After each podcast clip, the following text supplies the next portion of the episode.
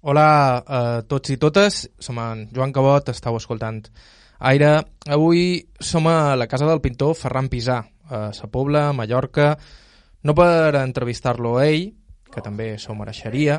sinó per parlar amb aquest homenat que sentiu de fons, el poeta Antoni Gust, que em mostra fotografies de fa com a 20 anys. De fet, jo surt en una d'aquestes fotografies. Quants anys han passat d'això? Això, molts. Molts perquè... Mira, Antoni Rian, que està de nin, dit. Jo l'he conegut. Sí. De Maite, i Antoni, Antoni Torrents. Antoni Gust és un personatge difícil de definir.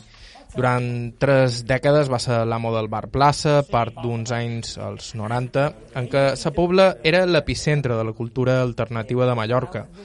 També ha estat un agitador cultural, que va fundar la Fundació AK amb Antoni Caimari, des d'on va dirigir la col·lecció de joves poetes Solstici d'estiu, els discos Bou de Poeta i les vetllades poètiques de Crestatge. I a més de tot això, ell també ha escrit i publicat poesia, tot i que sempre ha fet més pels altres que per ell mateix. També és una persona sense filtres ni plecs, de parlar accelerat i torrencial, que per a mi exemplifica una certa manera de fer cultura que només trobes a la perifèria, als pobles, lluny de les grans ciutats, molt més interessada en la puresa de l'acte creador que en les recompenses, especialment si tenen a veure amb l'ego. Avui toca una conversa amb Antoni Gust. Estau escoltant Aire a IB3 Ràdio, us parla Joan Cabot, començam.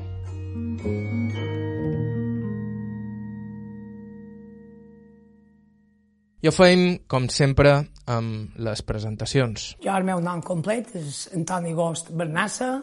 Vaig néixer el 14 de novembre del 53 a Sa Pobla i som empoltat d'entre Sa Pobla i Buja. Ma mare era de Buja i me va fer... Tenc un lligam molt profuns eh, i d'arrels profundes amb Buja i l'altre poble, Sa Pobla. És dir, dos amors, dues estimades al mateix temps, pots tenen aquesta sort de poder estar, de poder tenir dos pobles a la vegada i estimar i ser estimat.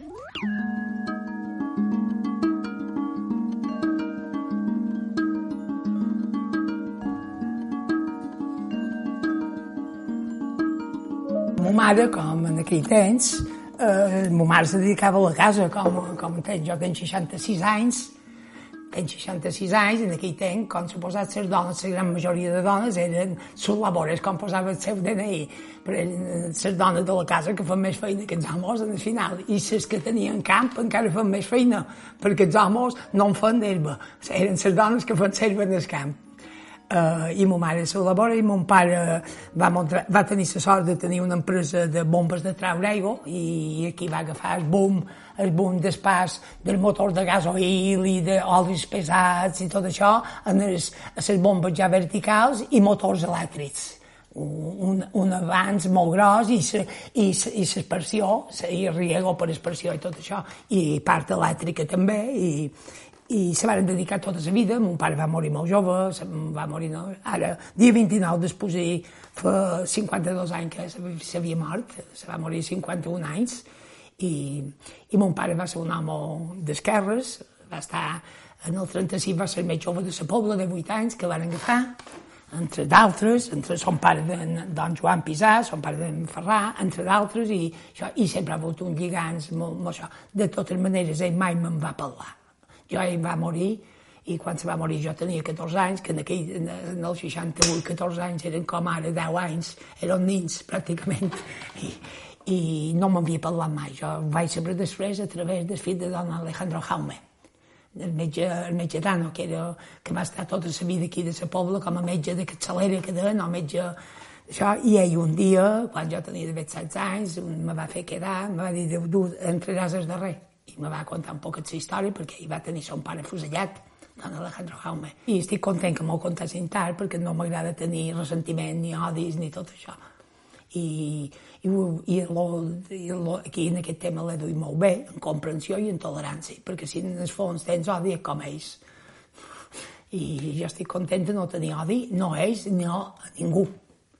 Sempre un poquet amor, generositat i tolerància, que és la poesia, al final. L'empresonament i les represàlies contra el seu pare potser no varen pertorbar el caràcter d'Antoni Agost, però sí la personalitat de son pare, qui sempre li va pesar haver perdut els millors anys de la seva vida empresonat. Mon mare era molt dolça, mon pare era més, era més, era més fort, era més potent i, i més recte i això. Bé, de totes maneres ell és normal, ell va passar totes, eh, des de 8 anys que van agafar sis anys a dins la presó, Consell de Guerra, sumaríssim, en son pare d'ells i tots els pobles, pena de mort, va ser indultat, va tenir la sort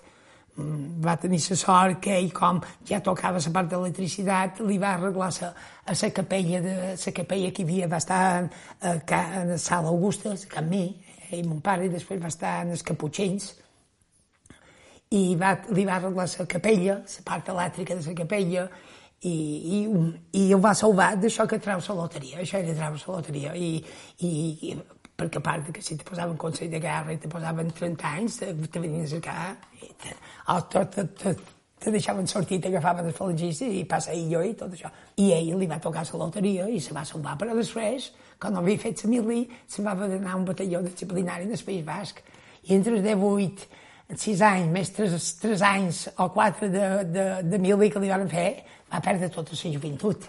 Li van robar, li van robar la joventut i això el va marcar molt de caràcter i tot això. A més, era diabètic, era irascible i irritable, i això. però era una persona oberta i, i carinyosa, però era distint. Ma mare era, era més dolça. Ma mare era molt dolça i molt bondadosa. Jo ara en Pau, ara he fet el pregó de ja d'enguany, i de les connexions que xerra amb Buja, la primera que vaig tenir va ser ma mare, ma mare, ma mare jo ja vaig anar dins el ventre seu i ma mare me va transmetre tota la seva estimació cap a l'espalda de Buja i cap a la gent i cap a la família que tenim a Buja. I, això, I jo, ma mare, vaig tenir la sort que quan se va morir mon pare, ma mare va estar sempre de vora nosaltres. I sense entendre molts, va estar sempre de vora nosaltres. Que guapo, això això és hermós perquè eh, de vegades te dius no, ma mare era concebuda i, i teada amb un cànons eh, de, de seu temps. Eh, però així tot vaig tenir la sort de que sense entendre moltes de coses de nosaltres sempre va estar de vora, a de vora nosaltres. Maneres de pensar, maneres de viure, eh, maneres de, de, de, de pensar i de concebre la vida i tot això, i distinta que els altres, perquè nosaltres també penso una cosa, nosaltres ser privilegiats, en aquell temps, en aquell temps mon pare va fer tot bé, van poder estudiar, van tenir un privilegi que no hi eren, eh, la majoria de joves no podien estudiar, la pobla feien el certificat d'estudis i ho feien molts al vespre i anaven a fer feina. I quan acabaven el certificat i tot d'una te posaven a fer feina. I, i, i jo vaig poder estudiar tot el batxiller, el batxiller superior i vaig començar filosofia i després ho vaig deixar, però això és un privilegi i un luxe i poder tenir a mà la biblioteca que jo tenia, la música jazz, música jugera, eh, aparell per escoltar-ho, tot això te dona, te va, me va donar unes obertures que els altres no van tenir possibilitat de tenir-los. Això sempre, sempre ho he de dir, que, que, que no és perquè nosaltres fóssim millors més, ni més bons que els altres, perquè jo te puc dir que he vist joves amb una capacitat molt intel·ligents que perquè que no tenien tot bé, se van anar al camp i van perdre un actiu molt gros de gent que, com ara, que gent que, que és molt bona i no té dobbers i no pot, i no pot estudiar, i, perquè costa molt de dobbers els estudis, més amb aquest, amb aquest concepte que mos duen aquest model nord-americà per crear una teocràcia de gent privilegiada, que els que tenen carreres deixen a tot i els altres són, són la misèria de, de, de la societat, vius, sobrevius. Hi havia encara un altre privilegi, el de créixer a sa pobla en aquells anys. El poble era un dels més rics de Mallorca gràcies al que donaven els seus camps i aquell era un espai perfecte per a un infant. Un jove neix a un poble en el, en el 53 i tota aquella època era, era una gran sort, era tenir un jardí, un espai tot era un espai per tu per poder jugar i córrer i estar el carrer i la barriada i amics i tot això. La infància era molt distinta que la infància que tenien la gent que vivien a les ciutats i ja no tan a lluny, a Inca mateix, que ja, ja variava molt perquè era un poble molt industrial i, i, i les maneres de viure i, i moure't per un nin eren distintes que les de la Pobla. Nosaltres fom 100 metres i ja trobàvem el camp i, i, i pes i garberes i, i, i podíem anar fins quasi caminant a la bufera i sí que era un paradís que on la imaginació volava i per un nin era el més, el més immens de, de, que pot tenir a la infància. Poder tenir imaginació, de desenvolupar-la i disfrutar i ser feliç. La Pobla era una ciutat eh, immensament, perquè va tenir la sort de, de fer regadiu i era un poble, un dels pobles més rics de Mallorca, corrien moltes dobbes perquè en so, en so rec i en so cultiu rec i després posteriorment amb expressió tot això eh, fan tres i quatre coites i se va fer molt de dobbes i va, va ajudar molt. Pensa una cosa, a la Pobla hi havia tres cines que cada dia fan cine i fan dues pel·lícules que cada dia, de cada dia de la setmana, cada dia no tancaven mai. I això tres cines fixos després en teníem un descobert per l'estiu. I després hi havia el que se deia el salon parroquial, que era el cine de l'església, que era per als nens, es diu menjar a pel·lícules eh, que en aquell temps molts deixaven veure, perquè les cartelleres de l'església posava les pel·lícules, les anava, eh, l'anava classificant segons, segons, segons el, tema, el tema de la pel·lícula, les imatges que sortien de la pel·lícula, amb, amb 3R, 2R, 1R i tot això. I, en fi, era un poble, era un espai eh, que la gent era oberta, molt, seva, molt, molt oberta, molt sincera, molt transparent i, i molt, i molt d'aquesta de soc arrel, i déus i hòsties i maries santíssimes i tot això, però això era propi. Però en el fons era un poble, sempre ha estat acollidor, obert i, i integrador, el poble.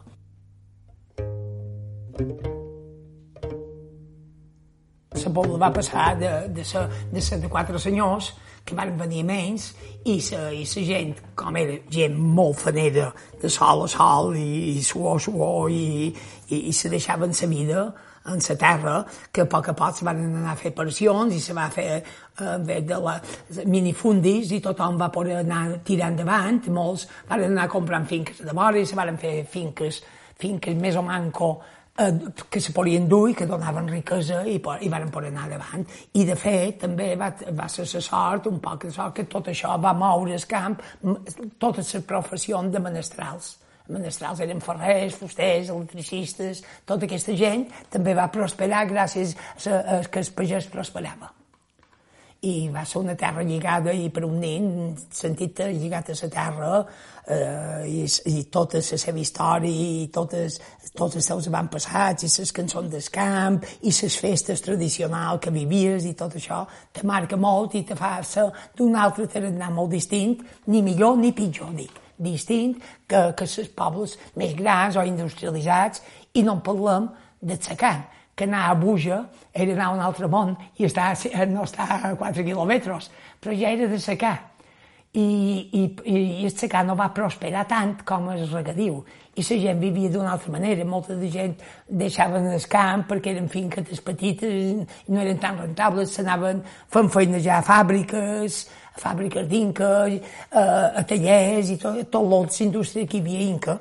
i però ja era distint de la manera de pensar, la manera de sentir, la manera de viure la vida. Però les dues a la vegada eh, m'encantaven perquè podia viure dos mons distints. Me n'anava un cap de setmana a Cas Pradins, a Casa Pradina, i estava un cap de setmana a pujar i sentia una altra manera de ser, la gent un altre tracte, i, i el ritme de la vida era un ritme que encara, que encara era d'estem de l'antigó. En tot cas, la infància i adolescència d'Antoni Agost no van ser del tot idíl·liques. Per una part, la mort del seu pare, als 14 anys, va ser un cop duríssim, i per l'altra, durant anys, Antoni Agost va ser un infant malalt que va estar llargues temporades al llit. La meva vida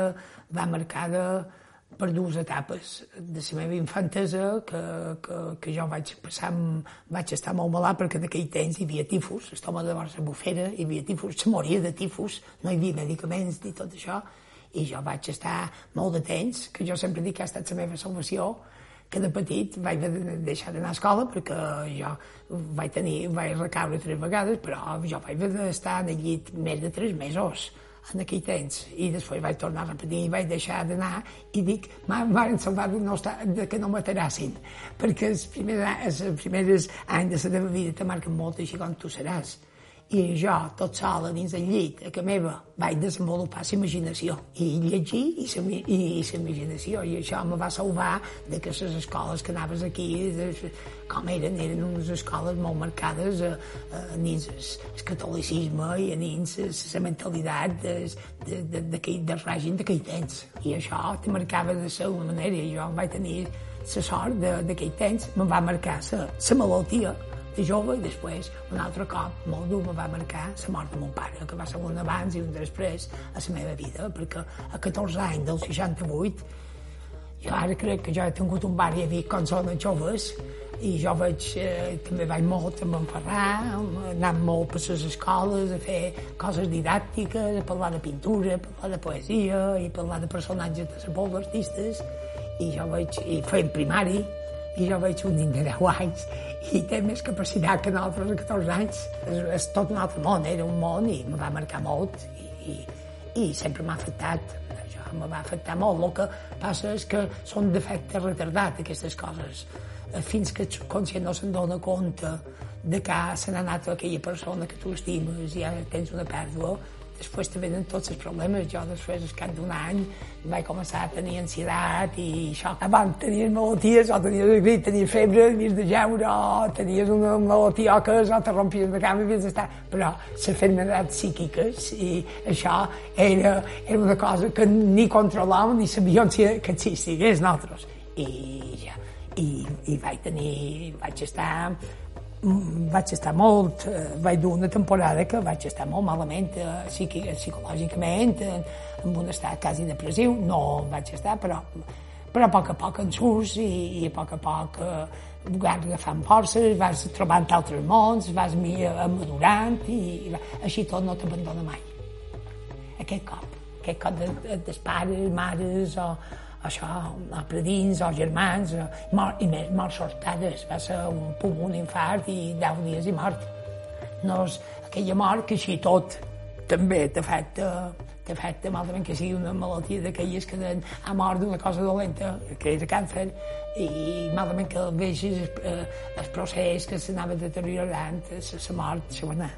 És igual, és igual que sigui sobtada o sigui això, afecta molt afecta molt, sobretot eh, quan, no, quan te troba a dins immadures de, de, de, de la joventut, adolescència i joventut. I, i te marca malament que tinguis maduresa, perquè són vincles molt forts.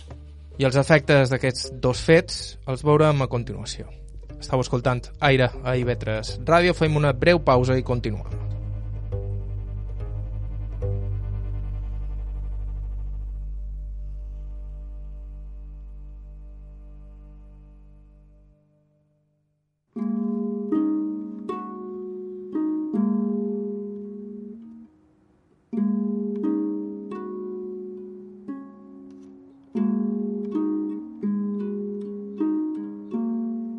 Hola de nou, això és Ivetres Ràdio, estàu escoltant Aire, som en Joan Cabot i en el programa d'avui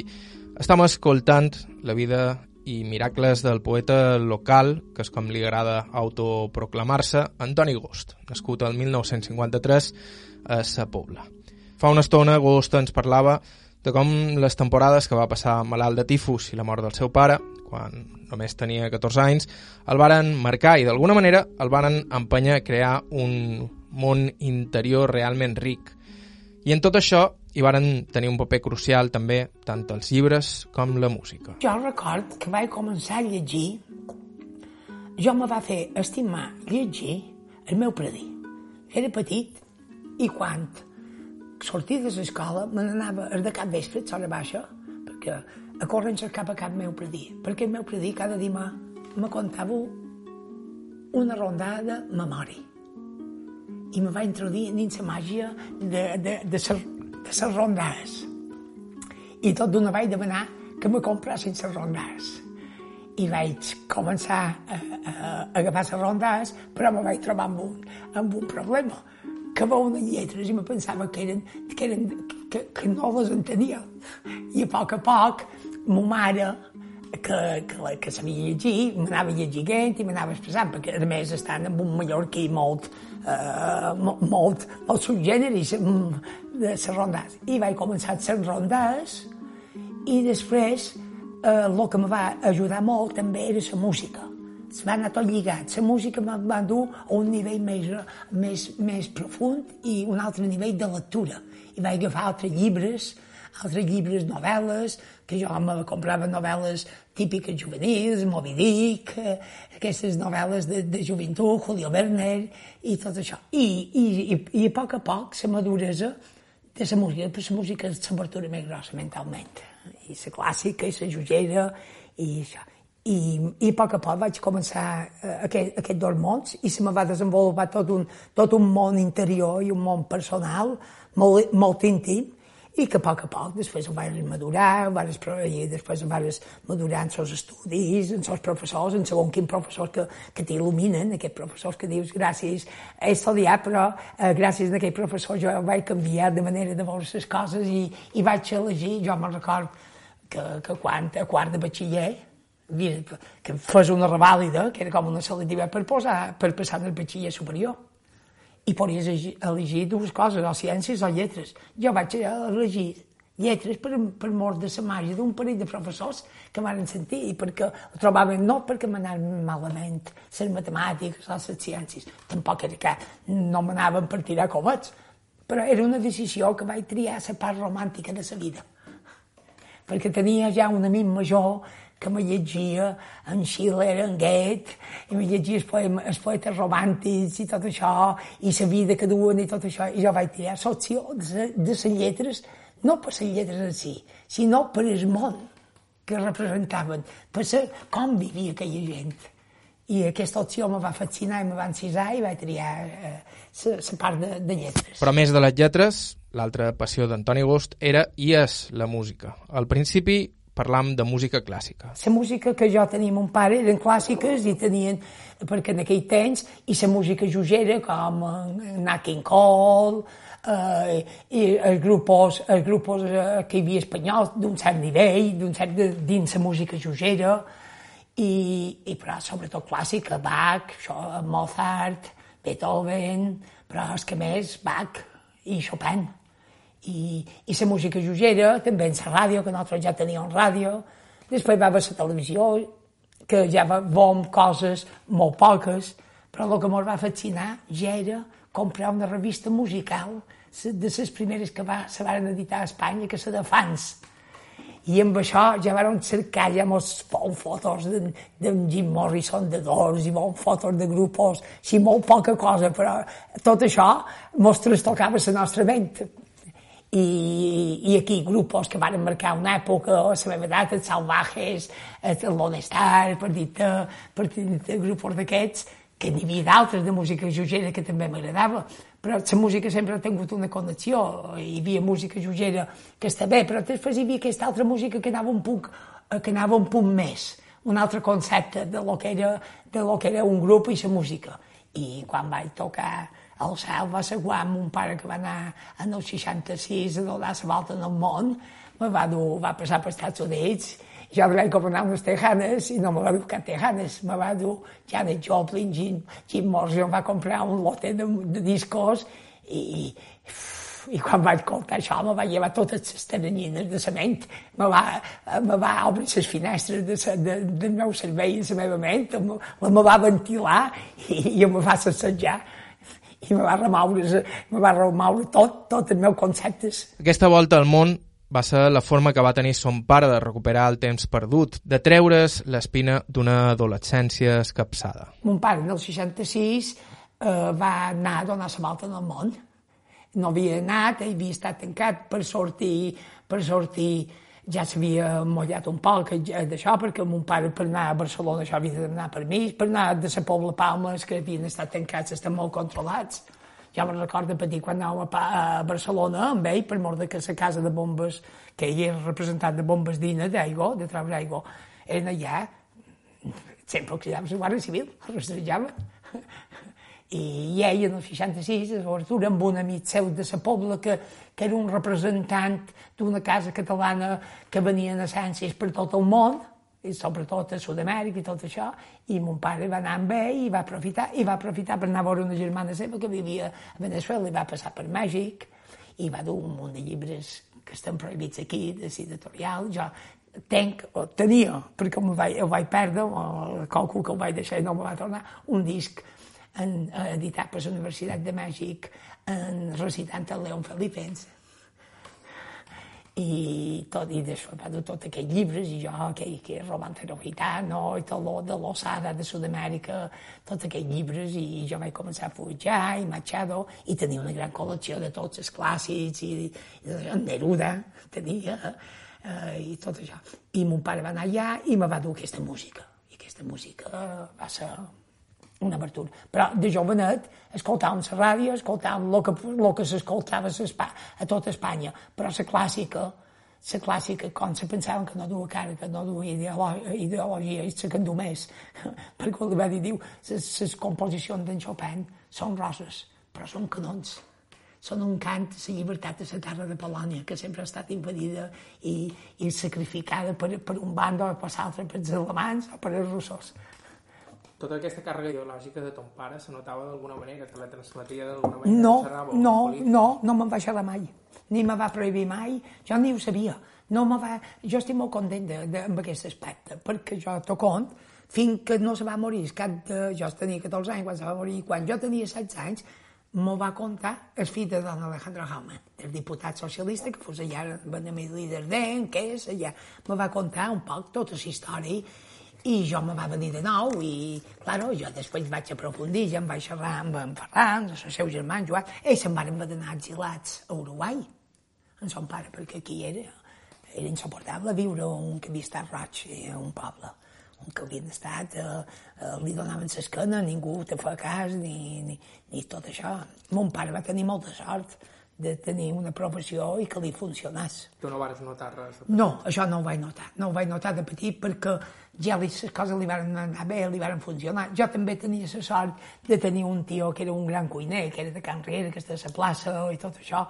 I, i clar, les coses a poc a poc després se van eh, ja, ja no eren, ja no, aquí a Mallorca i en els pobles ja no se notava tant eh, tot, tot, tot el que va la guerra la, la ciutat sí, per mort dels moviments obrers i tot això. De totes maneres, jo ja creia i cercava la llibertat. Jo ja llegia ja llegia quadernos per al diàleg que ell està eh, subscrit i jo la vaig començar a trobar i llegir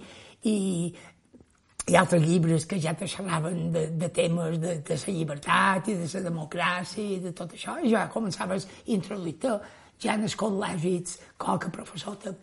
començava eh, en els 70 ja a parlar de molt d'aquests temes, m'entens? En aquesta educació política també hi tindria a veure el seu pas per l'Universitat de Barcelona, en uns anys especialment intensos a nivell de mobilitzacions, en tot cas, Antoni Agost és tan pobler que s'hi sentia estrany a la gran ciutat. Vaig fer un any, un any, un curs i ho vaig deixar. No me va... Primera, com jo no havia fui mai de Mallorca i era molt,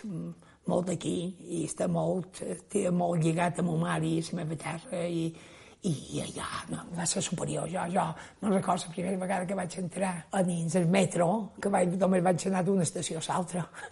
va ser insuportable de, de olor, perquè queixar d'un metro, que no és un metro d'ara, un metro que fa un olor, sortia,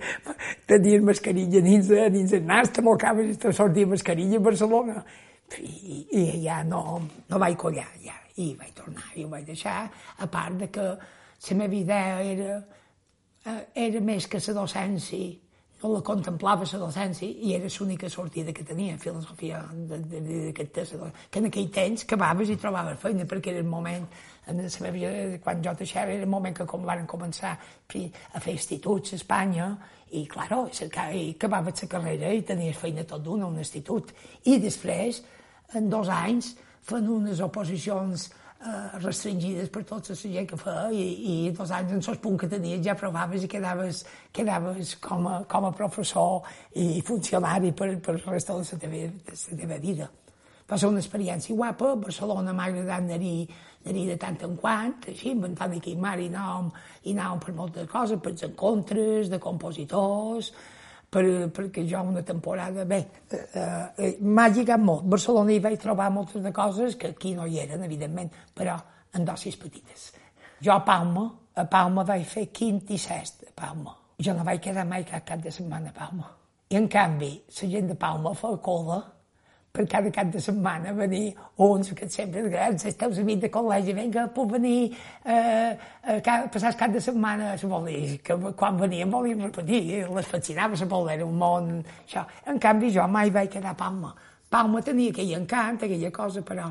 jo m'estirava molt. Quan l'autocar arribava aquí, en, aquest, en aquesta benzinera d'Ulleró, el ventre me se me girava, ja... ja era a, a meva. S'ha de tenir en compte, en tot cas, que Sa Pobla era un poble realment avançat en aquells temps. La bonança econòmica va donar pas a una generació de joves que estudiaven a fora i que tornaven al poble amb els gustos i les modes de Palma i Barcelona. La Pobla ja va anar avançada en moltes de coses, en música tenien la sala re, que venien a actuar grups ja de tota Espanya, jo he vist actuar en Julio Iglesias, en Serrat, Los Brincos, he vist les verbenes de la Pobla, eren les verbenes d'això, els bars, els bars, els bars ja eren una cosa més avançada, jo me recordo ja de jovenets, ja els primers bars no eren pats, però ja tenien aquella màquina de tragar perles, aquella màquina de discos amb un duro i podies posar música, i en el vestit, en la manera, se notava molt la influència des del, de, de, de l'economia bollant que hi havia a poble i de que la gent també havia estudiat i tenia reminiscències quan anava a Palma li creaven, li sorties, sorties amb una altra manera de, de manera de vestir i tot això, quedaves, quedaves tenies el mimetisme de, de, de com, com la gent de Palma anava a vestir i se divertia a la nostra manera, però també ens influenciaven. I a la Pobla va ser un poble que van tenir la sort que joves i les generacions van tenir una, ja van viure una certa llibertat i una certa manera de divertir molt distinta que les altres. Jo me'n record que tenia, eh, ja van començar a fer guateques. I a 12 anys a tocar discos i anava una casa d'un, una casa de l'altre, i això eh, eren pocs, no eren tots que ho feien, però ja ho van poder viure, posta sempre dir que, que, jo, que jo i part de la meva, del, del meu entorn van ser un privilegiat per, per viure unes coses que en aquells moments, que en aquells moments no era tothom que ho vivia. Nosaltres aquí vivíem a dins una bimbolla que no notàvem totes aquestes mancances i totes aquestes coses que hi havia a dins la mateixa Mallorca que anava prosperant. Jo encara vaig veure gent, porquerets, que estan llogats a una possessió i anaven descalços perquè no se podien comprar unes sabates i, i, i, i jo vaig veure la transformació de la pobla de passar d'excusats i de passar de, de, de, de, de, de, de fer foc a la foganya i amb un fogonet d'aquest que havia de posar ventar així a, a posar quartos de banyos, les geleres, les cuines elèctriques, els ventiladors, tot això. Vaig veure aquesta, uh, això, això va ser, en, en 10 anys em va donar un canvi brutal, la gent va passar a totes les comoditats i en el camp el mateix passar de, de tot a fer-ho mà, a tractors, a camions, a remolcs, tot a fer mà, carros, mules, i, i tot era un món que, que, que va progressar i, i va canviar molt, molt. Tot canvia, però l'escenari, l'essència és la mateixa. No, essencialment no ha canviat res. Era Antoni Gost, estàu escoltant Aire a IB3 Ràdio, fem una aturada i en uns segons continuem en la seva història.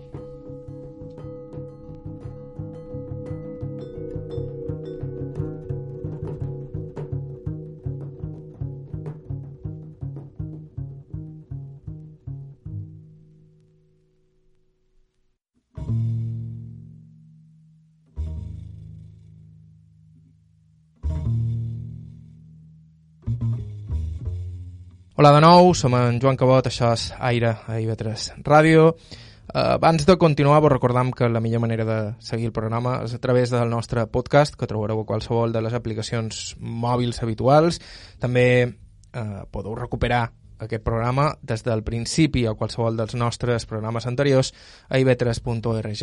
o ib3alacarta.com. Avui en el programa estem escoltant la vida del poeta pobler Antoni Gust. Poeta, amo de bar, agitador i moltes altres coses. I moltes d'aquestes coses varen iniciar-se just en el moment en què l'havíem deixat, quan va abandonar la carrera de filosofia després del seu primer any a Barcelona i va tornar a Sa Pobla. Allà s'ajuntaria amb el compositor Antoni Caimari i crearien la Fundació ACA, des d'on han sorgit molts dels seus projectes més consistents. Després de Barcelona vaig estar un parell d'anys, dos anys sabàtics, que no vaig fer res, vaig dedicar un poc a viure, vaig començar a tenir molt bones relacions amb Antoni Caimari, que ja ja el coneixia de jove i vàrem començar a fer molts, a aprofundir la nostra amistat, jo anava molt a cap vespre a casa seva a escoltar música, me mostrava les peces que ell ja componia amb un piano vertical, gravades en casset, a xerrar de llibres, a xerrar de, de filosofia, de poesia i, i de tot això, i vaig anar ampliant tot, tot un, tot un món, tot un món cultural i tot això. Vàrem, vàrem, ja ens vàrem derivar, ja vàrem coir delegació d'obra cultural balear a la Pobla i la vàrem dur fins que vàrem dir això no és, no és, no és el nostre sostre i a partir vàrem, vàrem, no és que deixar son sobre, vàrem dir bé, nosaltres vàrem dur durant un parell d'anys que vàrem fer cinema, cada, cada setmana fom a cinefòrum, després per nins, per el col·legi fom cinemes de cap vespre, concertats de música, didàctics i pedagògics per, ses, per, ses, per totes, eh, en rotació, grups escolars de totes les escoles, fom happening de pintura, vam fer moltes, moltes històries culturals que això ens va donar, ens va donar ens va fer evolucionar i vam voler, i Antoni va, va dir, diu, no, cerquem una altra cosa, ell va, va, treure, va voler treure un disco de música seva, va crear un UM, Unió de Músics, després va sortir el concepte de la Fundació ACA i tot això, i ens van posar. Però aquests dos anys sabàtics, essencialment, me vaig passar amb amics i em profundir en jo mateix i eh, en lectures, com a escriptor també, que vaig com, ja escrivia, de 13 anys escrivia, però ja vaig potenciar més escriure, a llegir molt més, a conèixer més gent. Vaig tenir uns, uns amics molt importants, que són Joan, Joan Antoni Alomà i Miquel Alomà, que ells van, també, com ells estudiaven una a Madrid i una a Barcelona, van donar un nivell nivell, després van entrar en un altre nivell poètic i filosòfic i, i de narrativa i d'assaig i vaig conèixer els grans pensadors, els grans pensadors d'aquell moment, els iconoclastes, en Jean-Pierre Levy, en Cioran, després tot, tot de llibre de poesia me van donar a conèixer tota la generació del 27, que això va ser va ser una obertura i, i, i d'altres poetes contemporanis em van, com, van donar a conèixer la poesia en català, que jo era la gran desconeguda. Jo, jo, jo vaig veure un moment que vaig posar a escriure en català, però era un desconeixia tot el món de la poesia i la literatura catalana. I ells la van donar, la van donar a conèixer. Jo els punts d'inflexió, les de... Ell, no tan sols també en, en la poesia, en la literatura, en l'assaig i tot això, sinó en la música, perquè eren grans amants de la música i jo vaig conèixer, em van donar una obertura també de tota, de conèixer Scream, de conèixer John Mayall, de conèixer, bé, de King Crimson, de conèixer Jefferson Airplane, de conèixer, bé, t'he dit quatre noms, eh, per, per no dir-te molts, ells van donar una dimensió increïble. Quan vam crear SACA vam començar, eh, essencialment era per la música, àrea de creació acústica, i essencial era per la música contemporània moderna i per tot, i per la clàssica i tot això, però després nosaltres Antoni ens vam plantejar i fer una aula de poesia i dir que és que SACA hauria de tenir distintes aules per interaccionar amb altres eh, activitats creatives distintes que la música, que s'uneixen, que tenen punts en comú i que sempre s'han lligat pensem miro po poesia, eh, miro música, Picasso teatre, eh, eh, Nestravisky, Satí, i jo vaig pensar, dic, hem de crear una aula, però ha de tenir un sentit. Dic, quan, van quan vaig dir, bé, la farem una, ajudarem en els poetes que no tenen possibilitat de publicar. I en aquests poetes, que són per damunt tot, que són bolets, que viven de cada pa, que viven un aquí, viven un allà, i que viven d'esquena uns sense els altres. Que sigui no un punt de trobada, que sigui un punt de trobada i un punt de partida per relacionar-se totes aquestes persones amb aquesta sensibilitat i amb, que viven un món comú que i, essenci, i essencialment el mateix que és la poesia i no que partesquin d'aquí com a persones humanes i com a relació eh, artística i que progressin junts perquè abans aquí no se xerrava de generacions. Abans eh, aquí era, hi havia aquella noblesa literària que jo dic, que era un grup que controlava tota la cultura del món literari, me refereix, i que després hi havia la part musical i tot això, i tots els altres no comptaven per res. Si no eres d'aquell grup no comptaves. I hi havia un munt de gent que havia sortit i que sorgia amb molta força interior, amb una singularitat i una particularitat preciosa. No era allò homogeni ni de tendència única i que tothom escrivia més o manco igual, no. Tothom tenia el seu món i això és el que em va agradar. I dic, i doncs aquesta gent li s'ha de donar un cau i un punt de partida i de, tro de trobada i de partida. I amb això vaig, vaig dir, el solstici d'estiu. I després, paral·lelament, vaig anar fent crestall poètic, que era una cosa per estimació de la poble, que per estimació sobretot de la poesia, que vaig començar el que va començar amb els tradicionaris d'Antoni Torrents, tradicionaris musical que du Antoni Torrents de, de Gràcia, que ja és teatre dels tradicionaris, que, i van començar a fer aquestes els tradicionaris poètics, que és el cristall poètic, i van començar a fer dins el petit jardí, que era el jardí del fill de Don Alejandro Jaume, allà. Després van passar a la placeta de l'església de, de la Pobla. Després, on era a Marjal, i després vaig retrobar, retrobar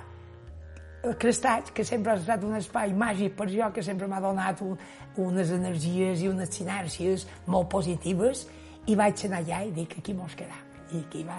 I he conegut tanta de gent que jo, que, que part de fer de so, que so, que no és més, que un acte, un acte social, poètic, però que sí que és necessari, l'acte social, no ha d'haver això, ha d'haver molta altra feina, una tasca de divulgació a les escoles, eh, en grup de nins, didàctica i pedagògica, perquè moltes vegades s'ocupa de que ningú llegeixi és de la pedanteria dels escriptors, que fan les coses, fan les xales i els recitals infumables, que en vez de fer-te ganes de tornar a un recital, te fan ganes de no tornar a llegir mai més. Perquè jo me va passar de joves, que a l'escola me feien aquelles conferències i sorties, sorties sense cap encís i, i ser al revés, claro, perquè eh, s'ocupen molt. Jo aposta, jo sempre dic, breu, breu, que la gent que ve, que quedi en ganes perquè si no faran l'efecte contrari. Com vol que, si tu dius te queixes que no llegeixen poesia, que la poesia no interessa, bé, no, fer una feina iniciar-los, fer una cosa didàctica i pedagògica perquè la gent s'enganxi i s'inici en el món de la poesia i, a part de venir a llegir, a escoltar un poeta, després se'n vagi a la llibreria, compri un llibre de poesia i llegeixi poesia. Que això és el que hauria de ser l'assignatura de literatura o de llengua i de literatura catalana o castellana o universal, no em portes a bredons que el professor te faci estimar la literatura i la poesia i l'assaig i això, la paraula i el pensament, i que tota la vida llegeixis. Això seria el millor professor i la millor assignatura que hi ha. I només aproven una assignatura i no tornen a llegir per mai més. I en la trobada d'aquests, jo vaig voler eh, eh, eh, fer una aposta per, per joves poetes i, i per la poesia. I que sabia ben cert que si se trobaven, només el fet de ser joves, de compartir edat, joventut i compartir la mateixa passió que la poesia, conyarien i, i d'allà hauria la llecor i la so per sortir moltes de coses. Aquesta manera d'entendre la poesia i l'art és el bessó de moltes de les coses que ha fet i que, com dèiem al principi del programa, d'alguna manera exemplifiquen aquesta cultura de fora vila allunyada de les pretensions i competicions d'egos de ciutat. És una altra manera de veure la cultura, de veure, de sentir la cultura i d'expressar. Jo ho veig en sos, en, en, en, en jo, en, en el cristall poètic, el solstici d'estiu, he conegut molt, molt, moltes d'històries de poesia i molt de mons. El concepte és molt distint que és des de poble. Uh, jo mai m'he volgut, uh, més també en el seu nou oh, que no, que no està ni allà, perquè, per desgràcia, aquí on no hauries de trobar misèria, encara hi és. A dins del món de la poesia encara hi ha capelles. Aquí on no hauries de trobar eh, capelletes i gelosies i tot això, que, que, que ho trobis a, a, a, a la misèria, a la misèria de la cultura popular i que, que és Telecinco i, to, i tot això, i Tombola i, i, i, i, tot, i tota la mesura que donen tots els canals, dius, bé, no és que sigui normal, però el, el, el vols que és lògic que la tinguin. Si són així, lògic que siguin així. Però que ho tràbigues a, a, a, a nivell que tu dius, això no hauria d'existir. Dius, claro, com és que fins i tot la gent progressista encara en tonterietes i miseris i això. I, i ho trobes. I això és el que ha passat distintes, la manera d'entendre les coses, la manera de fer les activitats, la manera de concebre una, la cultura i sentir-la i, i transmetre-la és totalment distinta a Palma que fora Vila. Tota aquesta feina d'agitador, Antoni Agost, l'ha compaginada durant dècades amb el bar Plaça, un bar de dia i de nit, del qual era propietari i que va formar part d'una època daurada a Sa Pobla, un poble convertit en epicentre de la cultura musical dels 90, sobretot pel que fa al rock alternatiu. La gent de Palma pujava cada cap de setmana a sa Pobla per escoltar música al plaça o la penya artística i des de la barra del seu bar, Antoni Gost ha vist passar i créixer generacions i generacions de joves poblers, una altra experiència que l'ha definit com a persona. I va estar un punt de referència, de fet, de fet, de fet jo me'n record que un any, un, un dels anys, eh, unes, un, m'apareix un llibre que era la casa Coca-Cola de norte a sur i d'este a oeste la movida en Espanya i passaven per totes les províncies que ells ho tenien en províncies i, sortia a Mallorca i sortia el Cafè Plaça per la música alternativa que tenia i el tipus de música nosaltres sempre vàrem, vàrem lligar i hem lligat sense oblidar, posar tot tipus dels anys 50 fins a l'altre però sempre una música distinta que per altres locals escoltaves. De fet, nosaltres hem seguit igual mentre eh, per tot sents música electrònica, reggaeton i, tot, i l'altre. D'electrònica hi ha coses bones, de música house també hi ha coses bones, però eh, nosaltres eh, el bar vam seguir aquesta línia de, de grups de música de concepte alternatiu i, i, i, i, i, de, i grup de tota la vida que, que has escoltat i que han marcat una època i ja va ser una línia i, va ser un punt de que molts de joves aquest tipus de música ni se posava. Ara la, ara la poses, però fa 20 anys no, per les, les emissores ni, ni prou fet Ràdio Nacional d'Espanya sí que la posaven Ràdio 3, però hi va ser un punt de, de donar una altra visió a els joves i molta gent eh, està crida de, de per de costat i per haver vengut a les places, diu, jo si conec la música gràcies a tu i a les places, dic, i, qualque cosa hem fet bé. Jo vaig tenir un altre bar, en Esport del Codizó,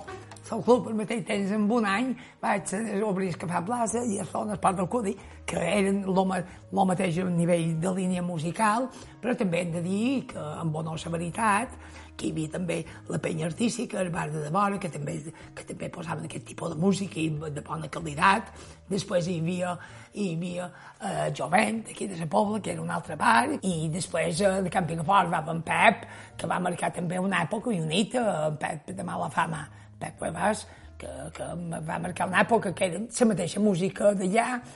el que passa és que un, en el bar era un pap-pap, nosaltres funcionàvem com a cafè també i com a pap, les dues coses ja va ser distint, perquè jo me'n record quan era jovenet els primers pats s'obrien a baixa a les 6 i, i nosaltres ja vam obrir un bar que s'obria al matí a les 8 i fer cafè llets, croissants, eh, eh, panets, torrats i tot això, no fos variat perquè ja era un xut en sa, en sa qualitat que hi havia de casa Cotxer, de casa, o de, ca, o de casa Mis o d'altres bars de, de, de, de Sabies, qualsevol bar de la Pobla, la qualitat de, de fer variats i menjar es, es, tenen un gran nivell i una gran diversitat de, de menjars i de maneres i cadascú ho fa la seva, el seu toque, era un absurd fer això. Fer menjar. Nosaltres vàrem fer, el, el, vàrem, el adaptar en el nostre concepte. És dir, cafè llet, croissants i panets torrats, per si, per si qualcú no volia menjar variat, volia menjar un panetet amb jamón, pepitos, eh, en distintes coses, en font de tot tipus. I, i, i després sortíem com a bar. Jo me'n record que so, so era pap, pap. I so donava més, encara era més, encara era més, encara, encara el cap de setmanes era un del madre més gros que aquí, que, que la pobla, que ja n'hi havia, perquè nosaltres vam tenir uns anys dorats,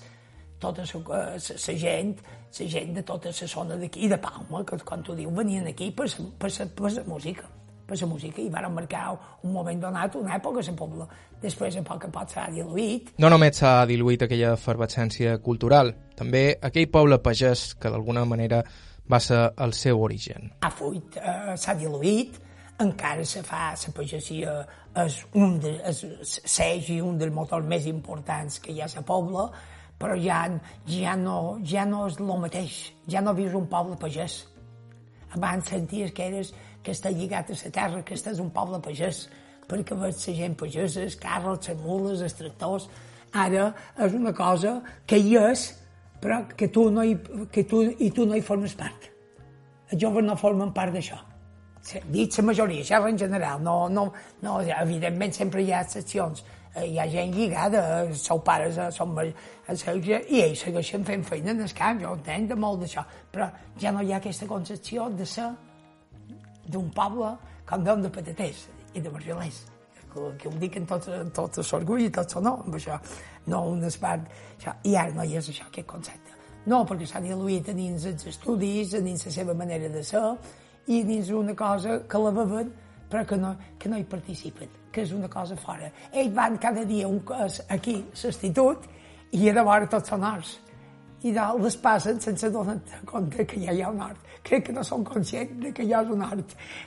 passen cada dia per un hort, però no s'aturen a pensar que allò és part de la teva vida, que tu ets així i pots anar a un institut gràcies a l'esforç que han fet tots els margelers. Pot ser l'única constant en tota aquesta història sigui precisament Antoni Gust, que encara continua prioritzant corolles amb amics i connectant poetes d'aquí i d'allà per davant de la seva producció personal. Jo del, sempre dic una cosa,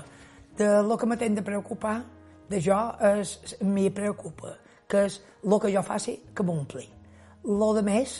per jo és secundari. Si s'edita, s'edita. Si no s'edita, no s'edita. Si se coneix, no se coneix. Sí, claro que, evidentment, que tota persona que escriu i que vol transmetre coses, evidentment, que vol que se conegui, que se llegeixi, perquè el sentit que tens tu d'escriure, a part de, de tenir la plenitud de la creació i de fer-lo, d'omplir-te a tu mateix com a persona i com a intel·lectual i com a creador, la difusió i la transmissió. Però jo, la primera me pesa més que les altres. Sí que he publicat, sí que m'han de fos i, i no, no me puc queixar d'aquesta part. Però no enxer, no enxer, només enxer de vegades quan bevem, una persona que, així com n'hi ha que són monotemàtics amb aquest tema, jo de, de poesia en pau, de la meva poesia, uh, i faig més feina per altres coses, solstici o cristall poètic, que per jo mateix faig les meves coses perquè no m'atur de fer coses eh,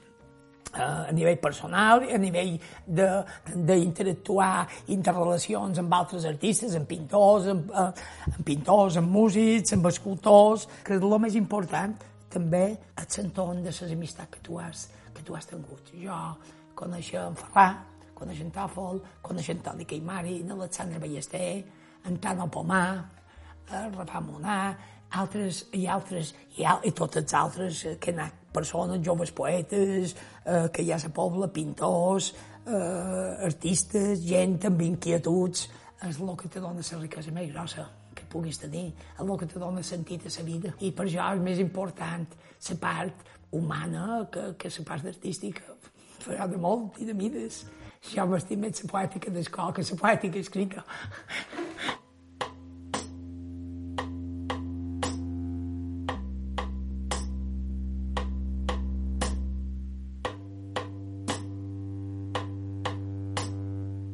Heu escoltat Aire a IB3 Ràdio. Milions de gràcies a Antoni Gust pel seu temps i contar-nos la seva història i gràcies a Ferran Pisà per la seva hospitalitat.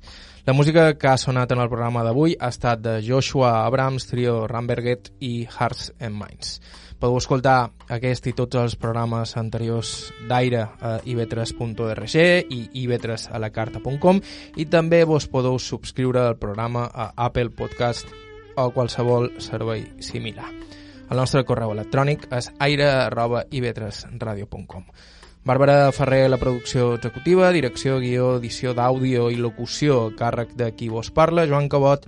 gràcies per ser a l'altre costat i fins la setmana que ve.